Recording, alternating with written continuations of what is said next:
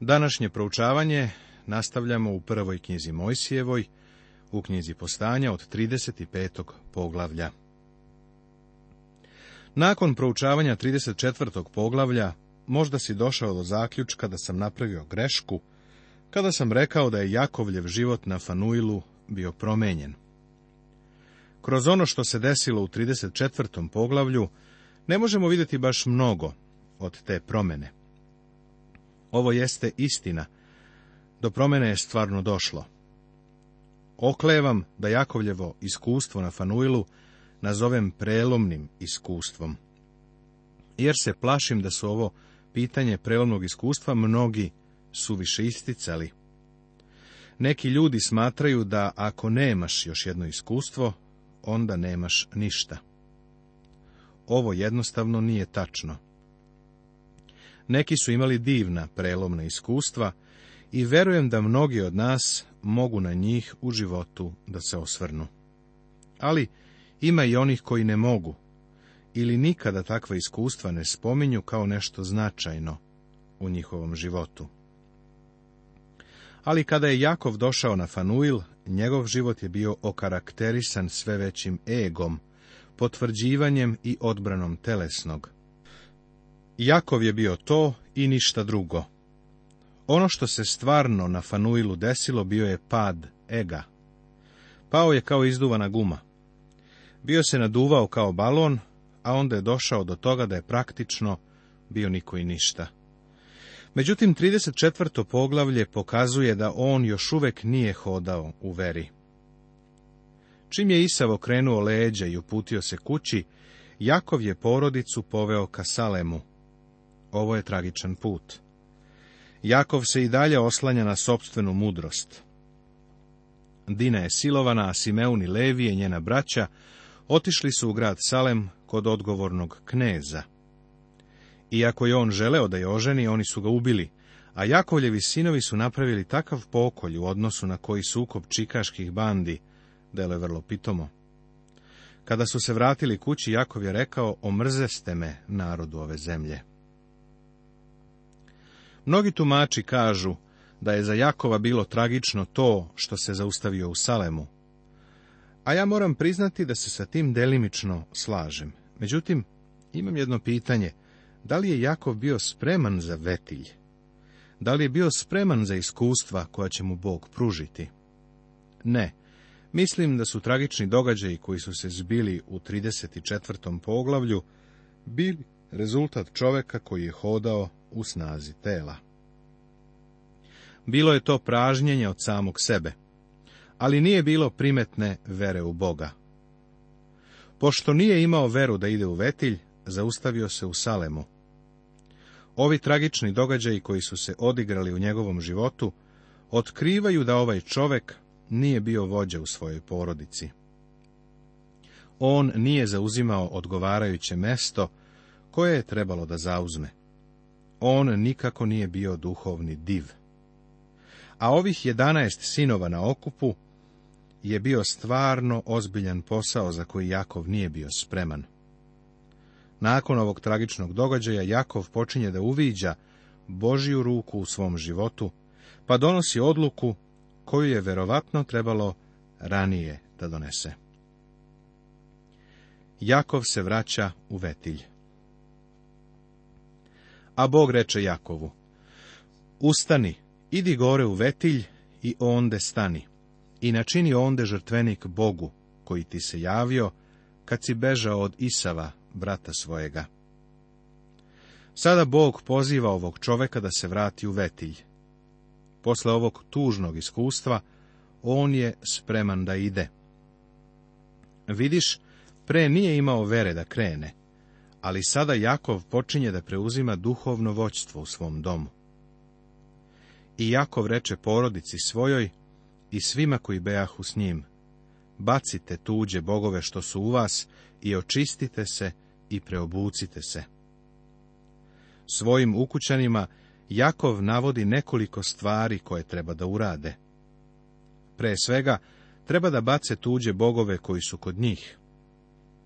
Ovo nas skoro šokira, Sećaš se kada je Jakov pobegao sa Rahiljom i Lijom.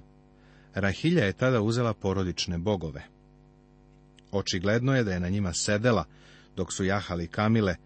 Jednostavno se popela na vrh prtljaga, koji je bio na leđima kamile i sela. I ti mali kipovi su bili ispod. Jakov tada nije znao da ih je ona ponela. Bio je vrlo iskren kada je rekao Lavanu da ti mali kipovi nisu u njegovoj pratnji. Ovo je bio jedan od redkih trenutaka kada je bio iskren prema Lavanu. On stvarno nije znao da su bogovi bili tamo. Kada su otkriveni, pretpostavljam da svi verujemo da bi ih se Jakovo tarasio, jer je znao za živoga i istinitoga Boga.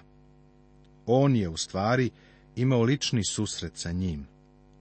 Ali Jakovih ih se nije oslobodio. Pa sada vidimo da cela njegova porodica obožava te strane bogove.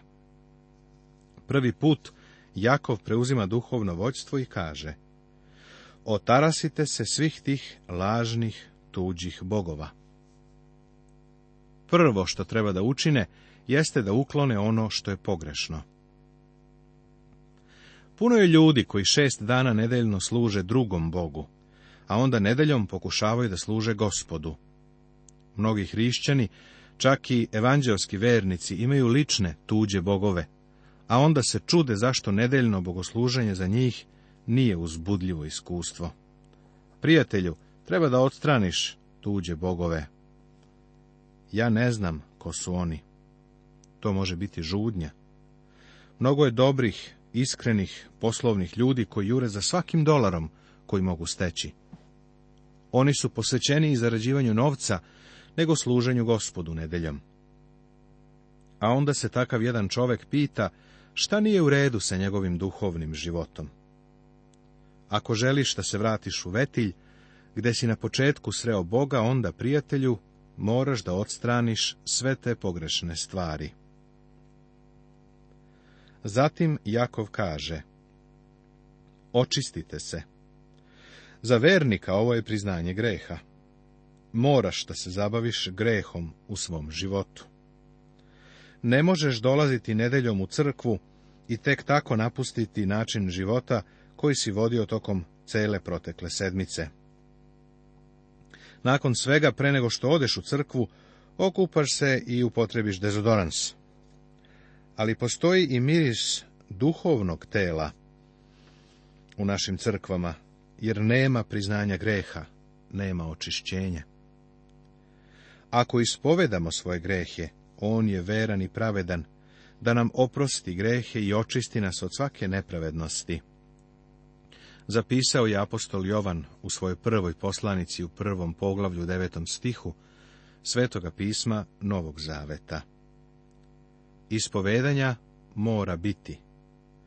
On će nam oprostiti, ali mi moramo priznati.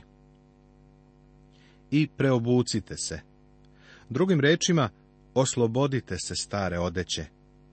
U Svetom pismu odeće ukazuje na navike. Govorimo da jahač nosi jahačko odelo ili da futbaler nosi dres. I to je običaj. Slično tome, Božije dete treba da se odeva na ogledalu istine, koje i kome pripada. Da li nosiš odeću gospodnju? Da li na poslu ili u školi ili u susedstvu mogu da te zapaze kao osobu nešto drugačiju? Onda nosiš to odelo. Onog dana kada se Jakov vratio za vetilj, počeo je da živi za Boga. Sve do tada mislim da nije. Sada on kaže, vratimo se u vetilj. To je ono što moramo učiniti pa da se dignemo i idemo gore u vetilj, da načinim onde žrtvenik Bogu, koji me je čuo u dan nevolje moje i bio sa mnom na putu kojim sam išao. Avram i Isak su gradili oltare, pa će sada i Jakov da napravi oltar, hvala Bogu za to. Sada će i on imati svedočanstvo za Boga koji me je čuo u dan nevolje moje i bio sa mnom na putu kojim sam išao. Ono čega se Jakov sećao jeste da kada je kao mladić bežao od kuće, nostalgičan i usamljen, došao je u vetilj i Bog je bio veran prema njemu. Bog je rekao, bit ću ti veran. Godine su protekle, a Bog je zaista bio veran prema Jakovu. Sada Bog kaže, moraš se vratiti u vetilj. Moraš se vratiti tamo otkuda si krenuo. Odatle moraš krenuti. Treba da prepoznamo da godine koje provedemo živeći bezvredan, lažan hrišćanski život jeste gubljenje vremena. Apsolutno gubljenje vremena. Bog je decu izraeljevu pozvao da izađu iz Egipta i odu u obećanu zemlju. Bog im se javio i rekao im da idu u tu zemlju, ali oni u nju nisu ušli. Četrdeset godina su tumarali unaokolo, a onda se gospod javio Isusu navinu i rekao, uđi u zemlju. Poveo ih je upravo tu, na mestu gde ih je bio ostavio. Protračili su četrdeset godina. Koliko hrišćana trači svoj život? Kakvu divnu duhovnu pouku ovdje imamo? Ne znam za tebe, ali neki od nas su poput Jakova, pa je to razlog zašto je ovo tako primenljivo danas. Hvala Bogu što kaže da je On Jakovljev Bog. To mi se sviđa. Ako je On Jakovljev Bog, bit će i Bog na Megija, a to je divno. Ovo poglavlje nam je veliko ohrabrenje. Zapazi sada kako Jakov preuzima autoritet u svom domu. I dadoše Jakovu sve bogove tuđe koji behu u njihovim rukama i oboce koje imahu u ušima i Jakov zakopa pod hrastom kod Sihema.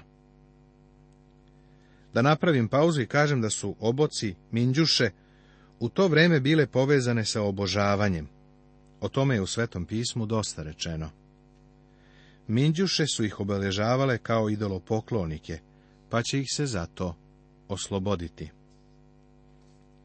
Jakovih zakopa pod hrastom kod Sihema. Jakovih se otarasio. One nisu bile stavljene u spremište, zakopane su. Moraju se ukloniti, jer će sada nastupiti novi život potom otidoše. A strah Boži dođe na gradove koji behu oko njih, te se ne digoše u poteru za sinovima Izraeljevim. I Jakov i sva čeljad što beše s njim dođoše u luz u zemlji Hananskoj, a to je vetilj. Ovo mesto se zvalo Luz pre nego što mu je Jakov promenio ime u Vetilj, pa su ga ljudi toga doba poznavali kao Luz, a ne kao Vetilj. Danas znamo ga kao vetilj. I onde načini žrtvenik i nazva ono mesto Bog vetiljski, jer mu se onde javi Bog kada je bežao od brata svojega. Vetilj, što znači kuća Božja, bilo je ime kojemu je još pre dao Jakov. Sada ga naziva Bog vetiljski, što znači Bog kuće Božje. Ovo nam otkriva duhovni rast u Jakovljevom životu. Sada nailazimo na vrlo zanimljivo usputno objašnjenje. Tada umre devora, dojkinja, rebekina i pogreboše je ispod vetilja pod hrastom, koji nazva Jakov Alon Vakut. Pošto je devora u to vreme bila sa Jakovom, pretpostavljamo da je Rebeka već bila umrla, a pismo nam ne govori o tome kada je umrla. Siroti Jakov nikada više nije video svoju majku. To nije tako tragično u odnosu na činjenicu da ona njega nikada više nije videla. Poslala ga je na put za kratko, to znaš. Dojkinja je očigledno donela vest o Rebekinoj smrti i ostala sa Jakovom, a sad i ona umire. Bog obnavlja zavet. I javi se Bog Jakovu opet, pošto izađe iz narama i blagoslovi ga. Svih ovih godina Bog je pokušavao da radi sa Jakovom. Sada mu se javlja baš tu, gde ga je sreo kada je kao mladić došao u vetilj. Sve te godine koje je proveo sa ujakom Lavanom, na razne načine bile su protraćene. I reče mu Bog, ime ti je Jakov, ali se od sada nećeš zvati Jakov, nego će ti ime biti Izrael. I nadede mu ime Izrael. I još mu reče Bog, ja sam Bog svemogući, rasti i množi se. Narodi, mnogi će narodi postati od tebe, i carevi će izaći iz bedara tvojih. Ja sam Bog svemogući. Seti se da je to rekao i Avramo i daću ti zemlju koju sam dao Avramu i Isaku i nakon tebe semenu tvojemu daću zemlju ovu. Usput da kažemo da gospod ovo smatra prilično važnom imovinom. Ovo je već treći put kako im je obećao zemlju. Prvo Avramu, pa Isaku, a sada i Jakovu. Svakom od ovih ljudi Bog je morao da to kaže barem dva ili tri puta, u stvari, Avramu je to rekao mnogo puta. Potom otide od njega Bog s mesta gde mu govori. A Jakov metnu spomenik na isto mestu gde mu Bog govori, spomenik od kamena, i poškropi ga kropljenjem i preli ga uljem. I Jakov prozva mesto gde mu govori Bog vetilj. Ovde se prvi put spominje žrtva kropljenjem i prelivanjem. U Levitskoj knjizi, u trećoj knjizi Mojsijevoj svetog pisma Starog Zaveta, navedeno je pet žrtvi, ali ne i ova kropljenjem ili polivanjem. U stvari nikakvo uputstvo o tome nije dato, ali je ovakav prinos samo spomenut. Očigledno je ovo jedan od najstarijih prinosa koji za današnjeg vernika ima divno značenje. Ovakav prinos je bio izlivanje na druge prinose i on bi se podizao u pari.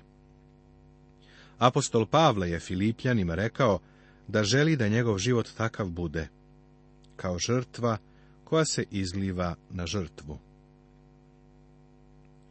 Rahilja umire rađajući Venijamina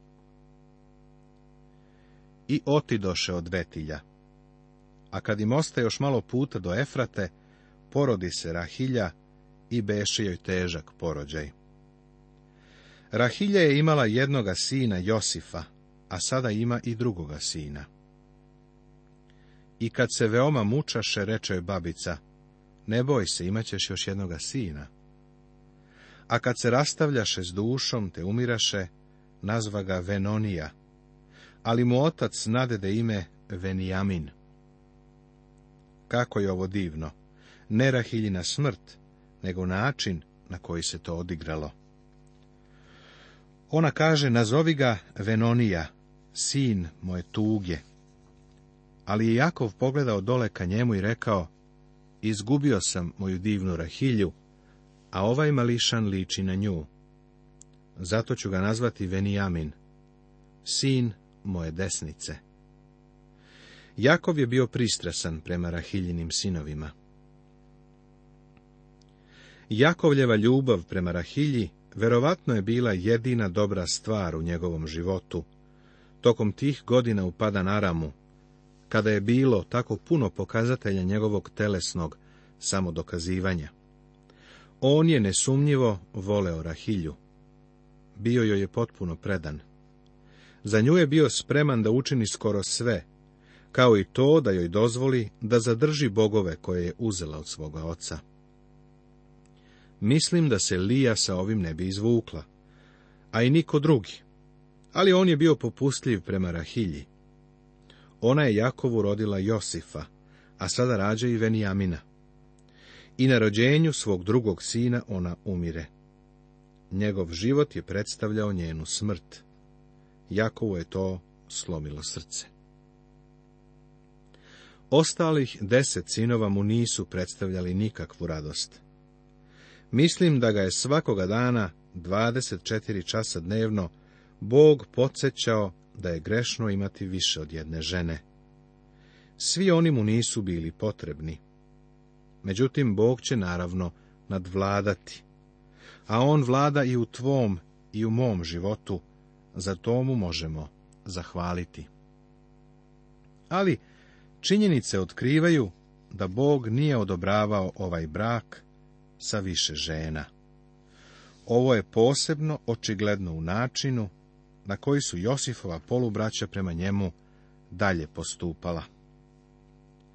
Jakov je voleo Josifa i Venijamina i iskreno govoreći, ostali sinovi su zbog toga bili ljubomorni nastavit će se.